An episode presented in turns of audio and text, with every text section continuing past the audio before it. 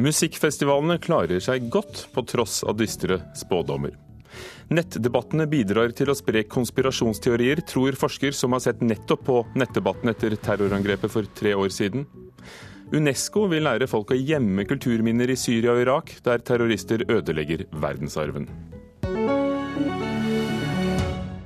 Velkommen til Kulturnytt i Nyhetsmorgen i NRK med Hugo Fermariello i studio. Musikkfestivalene klarer seg godt. Nyheten om deres død er betydelig overdrevet. I 2008 slet mange musikkfestivaler med dårlig økonomi og lav publikumsoppslutning. Flere spådde festivaldød. I mellomtiden er arrangørene blitt mer profesjonelle, flere festivaler klarer seg og nye kommer til. Jeg syns vi skal avskrive festivaldøden.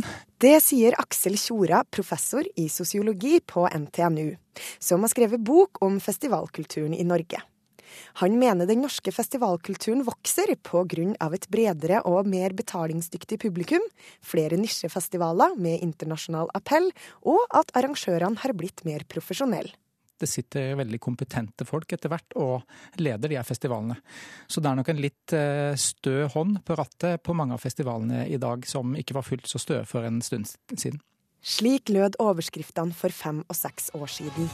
Økonomisk krise i Festival-Norge, nå spås festivaldød. Men vi skal først til HV-festivalen, som altså er konkurs. Storåsfestivalen i Meldal blir slått konkurs. I 2008 var det mange som mente at Festival-Norge hadde en sort fremtid foran seg. Kvartfestivalen ble lagt ned året etter, og festivaler som Olavsfestdagene, Storåsfestivalen og HV slet med økonomien. Men nå kommer det stadig flere festivaler til. Vi ser i hvert fall at vi får et økende medlemstall av festivaler. Det sier Gry Bratemyr heter jeg, og jeg jobber for Norske konsertarrangører. Norske konsertarrangører er interesseorganisasjonen for norske festivaler. Og Bråtemyr sier seg enig med Tjora i at arrangørene har blitt dyktigere. Det er en, eh, en profesjonalisering i festivalmarkedet og hos arrangørene for øvrig. Eh, og at folk ser at det er et behov for å ha et nettverk å stå sammen med og dele kompetansen sin med og møte årlig. Man er alltid nervøs før man skal gjøre noe stort. Det sier den helt ferske festivalarrangøren Emir Børdakic. Han er en av arrangørene bak den splitter nye Smiøyafestivalen, som går av stabelen i Skien i august. Med artister som Wycliffe Jean, Big Bang, Donkeyboy og Truls. En folkelig festival for alle sammen. Men selv om han er litt nervøs, kan Berdakic være en av dem som faktisk kan få det til. Han er nemlig økonom, i tillegg til å ha mange års erfaring fra konsertbooking og scenedrift. Og han hadde aldri turt å starte opp ny festival uten kompetanse. For det første så hadde jeg ikke visst hvordan man skulle gjøre det, hvem man skulle kontaktet for å få tak i disse artistene. Hvordan skal jeg, en gutt fra, fra Oslo, ringe til eh, Wyclef Shawns agent og spør hei, kan du komme og spille på festivalen vår. Jeg hadde ikke visst hvordan jeg skulle approacha det. Eh, så det var veldig viktig at vi, hadde, at vi har da, de ulike leddene og egenskapene og erfaringene vi har. Burdakic er også opptatt av at man må være realistisk og ikke gape over for mye. Hent heller det du vet du kan ha, og forhold deg til budsjettene. Ikke strekk for mye på dem. Det er, tror jeg er veldig viktig. Dette tror også professor Tjora kan være en suksessoppskrift. Ja, det er å være nøktern når det gjelder eh, bookingbudsjetter. Og prøve å finne hva slags type kvaliteter som eh, hver enkelt festival har. Som gjør at de kan trekke folk til akkurat den festivalen, selv om de ikke har råd til de største headlinerne. Tjora spår en lys fremtid for norske festivaler. Jeg tror vi kommer til å ha like mange festivaler om ti år, kanskje enda flere. Professor i sosiologi ved NTNU, Aksel Tjora, til vår reporter Åsta Hoem Hagen.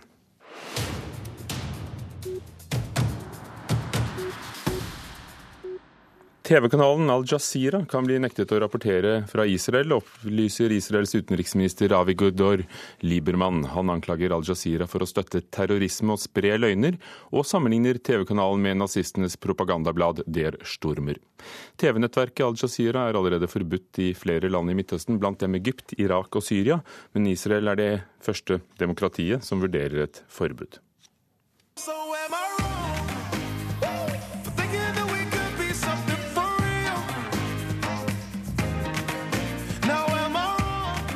Dagens Nico og Vince Nytt. Den norske popduoen opptrådte natt til i dag på The Tonight Show hos Jimmy Fallon. Programmet er et av USAs mest populære talkshow. Fire millioner TV-seere fikk med seg duoen fremføre hiten som vi hørte nå, i beste sendetid. Senere i formiddag skal Nico og Vince spille for enda flere når de opptrer på frokostprogrammet Good Morning America. Nettdebattene kan bidra til å spre konspirasjonsteorier. Det mener medieviter Anders Løvli ved IT-universitetet i København. Han har forsket på nettdebatter etter terrorangrepet for tre år siden i dag, og i et innlegg på NRKs debattsider på nett, NRK Ytring, spekulerer Løvli om nettdebattene bidrar nettopp til å spre konspirasjonsteorier. Og Anders Løvli, god morgen. God morgen. Hvordan bidrar eventuelt nettdebattene denne, til dette? Ja, først må jeg bare si at uh, Nettdebatten fikk jo veldig mye fokus etter terrorangrepet, og kanskje mer enn den fortjente. Sannsynligvis er nettdebatten bedre enn sitt rykte.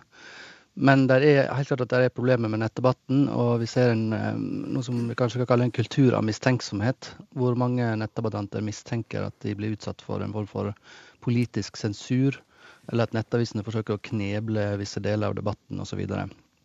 Uh, og det tror jeg kan skyldes i hvert fall delvis av at uh, deltakerne i nettdebatten og de som er satt til å styre debatten, ikke forstår hverandre så godt. Hva gjorde angrepene 22.07.2011 med nettdebattene? Hvordan har eh, kontrollen blitt forandret? Um, det var jo eh, en veldig akutt reaksjon etter dette terrorangrepet. Veldig store deler av nettdebatten ble stengt ned. Eh, og eh, nettavisene opplevde helt tydelig at de ikke hadde god kontroll med nettdebatten. En del av de tiltakene ble jo omgjort etter kort tid, men også på lang sikt så ser vi at mange nettaviser har gjort moderate, små tiltak for å stramme inn litt av kontrollen. Blant annet er det slik nå at mange steder så kan man ikke delta anonymt lenger. Erik Tornes, debattredaktør i Aftenposten. Hva gjorde dere etter 22.07? Vi gjorde ganske mange ting. Eh, noe av det vi gjorde, og som vi allerede hadde planlagt å gjøre litt senere den samme høsten, det var å stenge debattforumet vårt. Eh, det stengte vi den samme kvelden som angrepet skjedde. Men hvorfor er ikke det noe av det beste med internett? At her kan alle få komme til orde og debattere offentlig? Jo da, det er en stor, stor, verdi. Eh, det som var eh, problemet med vårt forum, eh, og som var begrunnelsen vår for å, for å legge det ned, det var at det var så mange kommentarer som vi ikke hadde mulighet til å lese. Så det vi leste der, var stikkprøver, og vi leste selvsagt alle, alle innlegg som vi fikk varsel om, eller, eller noen ba oss om å lese gjennom. Men det var i sum altfor mange innlegg som vi ikke hadde mulighet til å rekke over. Og da så vi at vi ville heller ha en debattform hvor vi leser over alle innlegg eh, i etterkant av at de skrives, etter, etterkant av at de er publisert. Eh, som gir oss en bedre oversikt over det vi faktisk publiserer på, på aftenposten.no. Anders Løvli, i forskningsprosjektet Nettdebatten etter 22.07, som du var med på, som Universitetet i Oslo sto for, og, og Aftenposten var en del av det, så fant du ut at 84% av dem som hadde fått sensurert et innlegg, ikke forsto hvorfor. Hva er det avisene da eventuelt gjør feil? Eh, mange steder så er det jo slik at eh, man eh, ikke nødvendigvis får noen forklaring på hvorfor et innlegg blir fjerna. Eller man får ikke engang nødvendigvis noen beskjed om at et innlegg har blitt fjerna. Så du kan ha skrevet et innlegg og tenkt at det du har skrevet noe smart og noe klokt, og så bare forsvinner det uten at du forstår hvorfor. Og da må man huske på også at veldig mange av de som deltar i nettdebatten, det er jo nettopp folk som ikke har trening i å være med i offentlig debatt. Så de trenger kanskje litt ekstra eh, pedagogisk hjelp fra moderatorene for å forstå hva som er grensene for hva som kan sies, og hva som er et godt bidrag i en debatt. For hvis ikke, så leder det til det du kaller konspiranoia. Og hva er det? Ja, ja det er kanskje en litt sterk eh, påstand å si at det leder direkte, men det er i hvert fall, det er veldig naturlig hvis man blir eh, moderert uten å forstå hvorfor, så kan man spekulere på hva det er som skjer. Og da er det kanskje lett å tenke seg at her har moderatoren noe imot folk som mener det som jeg gjør. Eh, og så sier man ofte at ja, de fleste journalister i Norge stemmer på venstresida i politikken. Kanskje det kan ha noe med det å gjøre. Kanskje de prøver å kneble innvandringsmotstandere osv. Jeg tror ikke den typen synspunkt har noe for seg, men det er veldig naturlig at nettabatantene begynner å spekulere når ikke de forstår hva som skjer.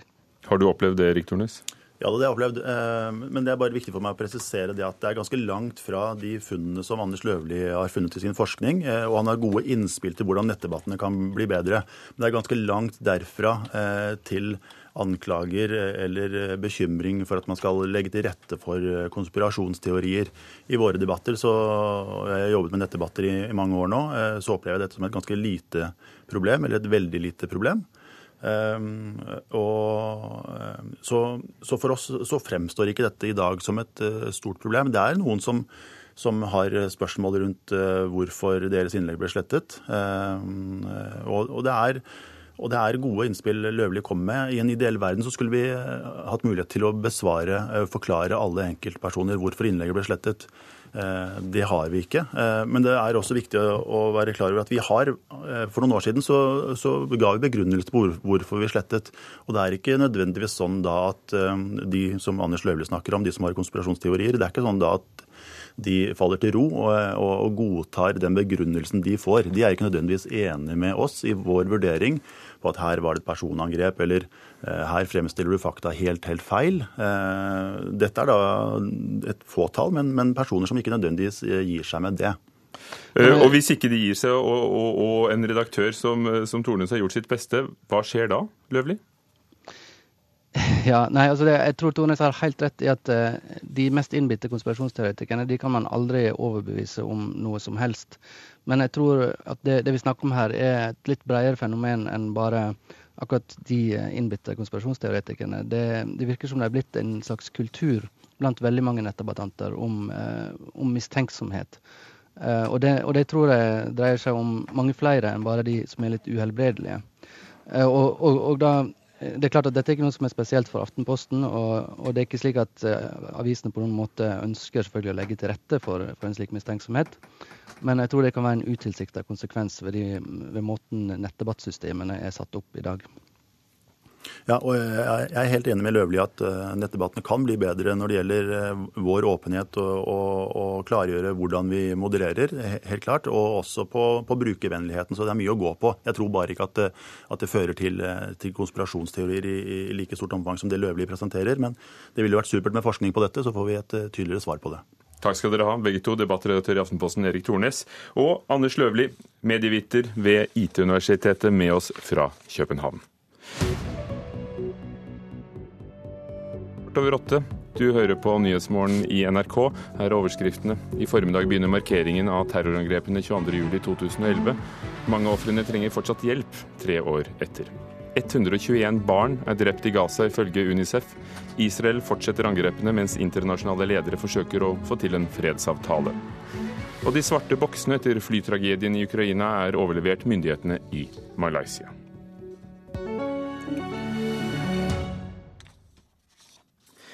Opprørsgruppen ISIL, den islamske staten i Irak og Levanten, som nå også kaller seg bare den islamske staten, knuser noen av verdens eldste kulturminner. Det finnes nå fotografier av ødelagte både kristne og sjiamuslimske kulturminner fra Syria og Irak. Kristoffer Prescott, professor i arkeologi ved Universitetet i Oslo. Hva er blitt ødelagt? Ja, altså det, det er eh, Det er eh, tre viktige elementer der. Det ene er alle de tingene som de har plyndret for å selge og generere inntekten. Andre er ting de knuser uh, for å hevde sin herredømme overfor andre grupper og regioner. Og det tredje er ting de knuser ut ifra innføring av uh, muslimsk lov. Har du eksempler på gjenstander, steder vi har hørt om? Ja, altså en av, de, en av, de, mest kjente eksempler i det siste har vært uh, at i Ninneve at man har gått løst på der man tror uh, Jonas, han med hvalen, sin grav er. Og det har man da knust både graven og gravstedet på. Ellers så Noe som har fått mye oppmerksomhet, er en uh, mosaikk som ble funnet i 2007, som er veldig spesielt. Den er fra 500-tallet etter Kristi fødsel. Den hadde kommet utenfor myndighetenes kontroll og skulle omsettes med en tyrkisk uh, uh, antikvitetshandler.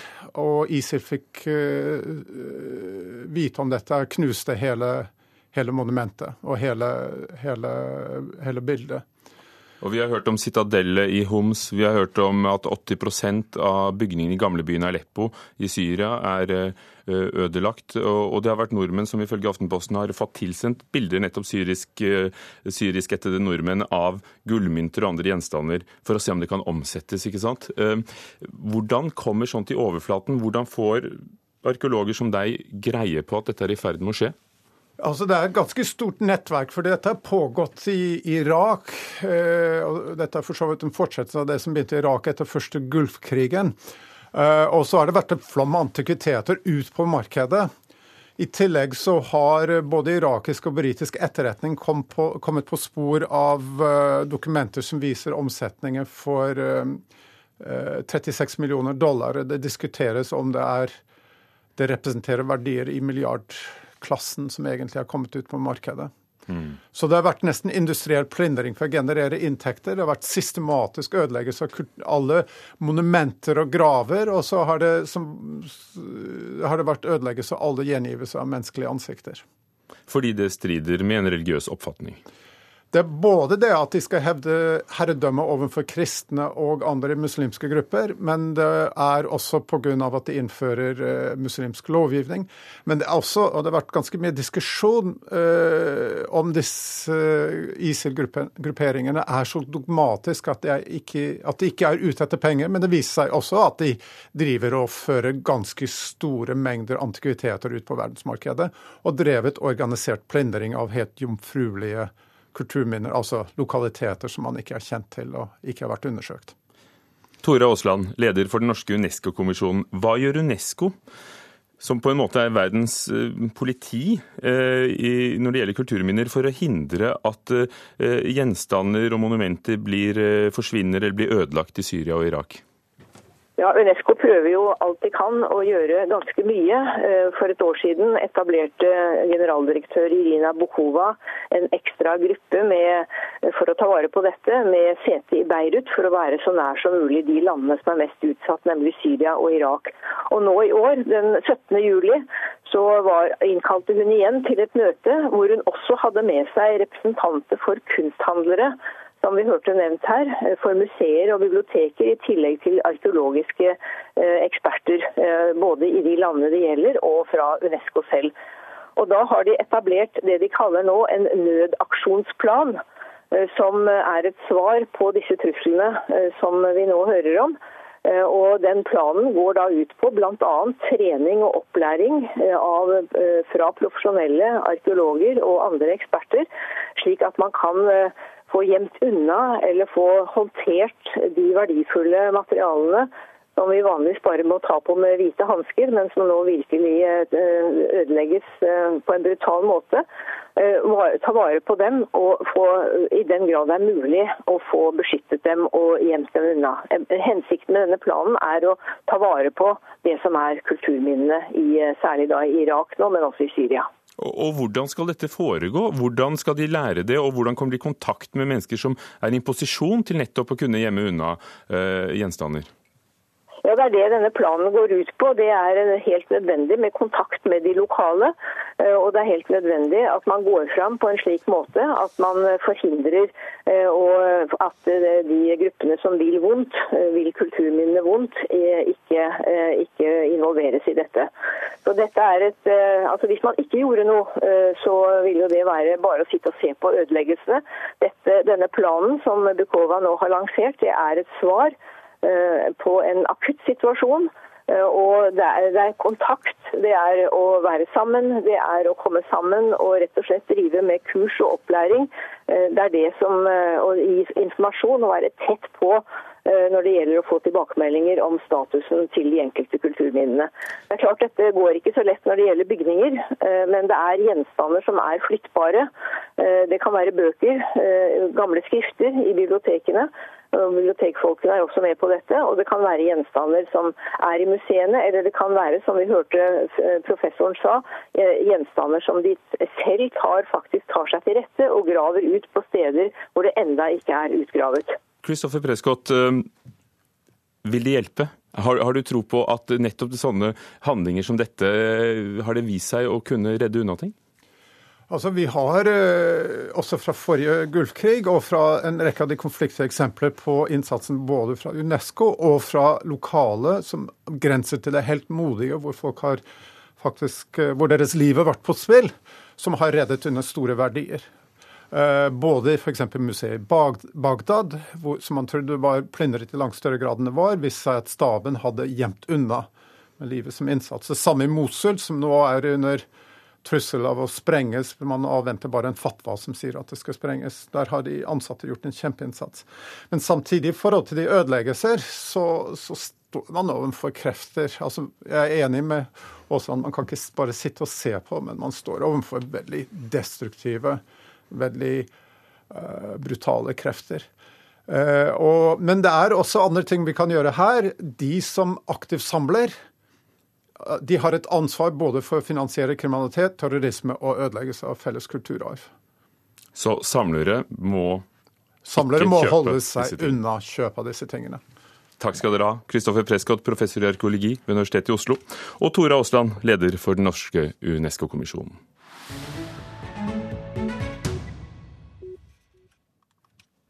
Et steg ut er tittelen på den nye platen til felespiller Susanne Lundeng, som denne gangen har skrevet all musikken sin selv. Hun samarbeider med Englegård-kvartetten, og vår anmelder Kjetil Bjørgan synes det er blitt et vellykket møte mellom folkemusikk i Engegård-kvartetten og Susanne Lundeng, eh, og klassisk musikk.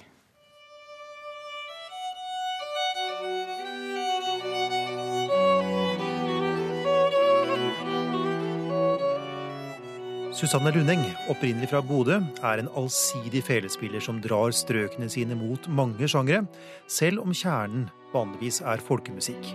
Jeg husker henne på Landskapleiken en gang på slutten av 80-tallet. Få hadde hørt om henne, og hun tok scenen på en måte som overrasket de aller fleste den gangen. Med en innlevelse vel få hadde sett på en kappleikscene, og med en energi i slåtter få hadde hørt. For ti år siden skrev jeg om henne i en anmeldelse at hun er en virvelvind som blåser opp etablerte forestillinger om hva norsk folkemusikk kan være. Susanne Lundeng, en solo folkemusiker. Bandmusiker, en improvisator, en felespiller med teknisk overskudd, som nok har gjort at hun er blitt fristet til å spille i en mer klassisk musikalsk setting. Og ikke minst er hun en nyskapende komponist.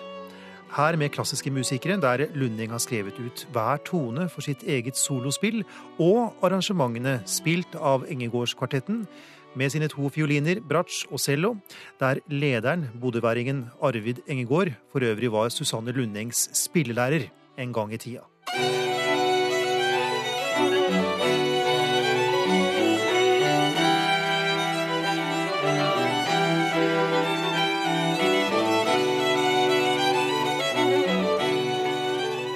På mange måter virker denne plata som en naturlig utvikling av karrieren til Susanne Lundeng. I 2011 kom hun ut med plata Mot, som var et samarbeid med musikere og komponister fra ulike sjangre. Der hun bl.a. framførte verket Imella av Rolf Wallin, spilt sammen med Bodø Sinfonietta. Også da hadde hun komponert en del av det øvrige materialet, men fått med seg andre til å arrangere det ut for en større besetning. Men denne gangen altså ett steg ut, der hun har full kontroll på alle toner i komposisjonene.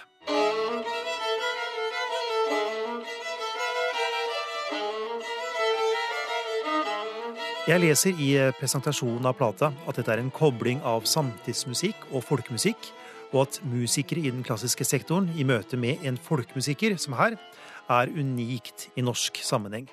Det er kanskje å gå litt langt, det er etter hvert blitt mange koblinger av musikere og sjangre, og begrepet samtidsmusikk er også litt villedende i denne sammenhengen, selv om folk gjerne diskuterer seg blå om hva samtidsmusikk egentlig er. Dette her er det det er, en solo felespiller som spiller med mange detaljer fra folkemusikken, skjønt også med detaljer kjent i klassisk musikk. I møte med klassiske musikere i en kammermusikalsk setting, der både det klassiske og det folkemusikalske er tydelig. Jeg oppfatter melodiene som visuelle, og ser gjerne for meg natur og stemninger og folk.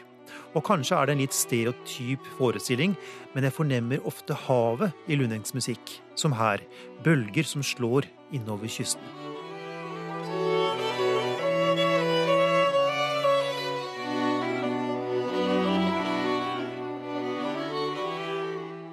Musikken er ofte litt gjentagende i formen. Små sekvenser repeteres, kanskje litt naiv på en positiv måte, men også voldsom og kompleks, der tonene gjerne spilles ut i et dramatisk forløp og inn i disharmonier som gjør det vanskelig for lytteren å være uberørt. Dette sammen med en glitrende framførelse av dem alle, ekte spilleglede med brodd, gjør plata ett steg ut til en gjennomført spennende og flott opplevelse.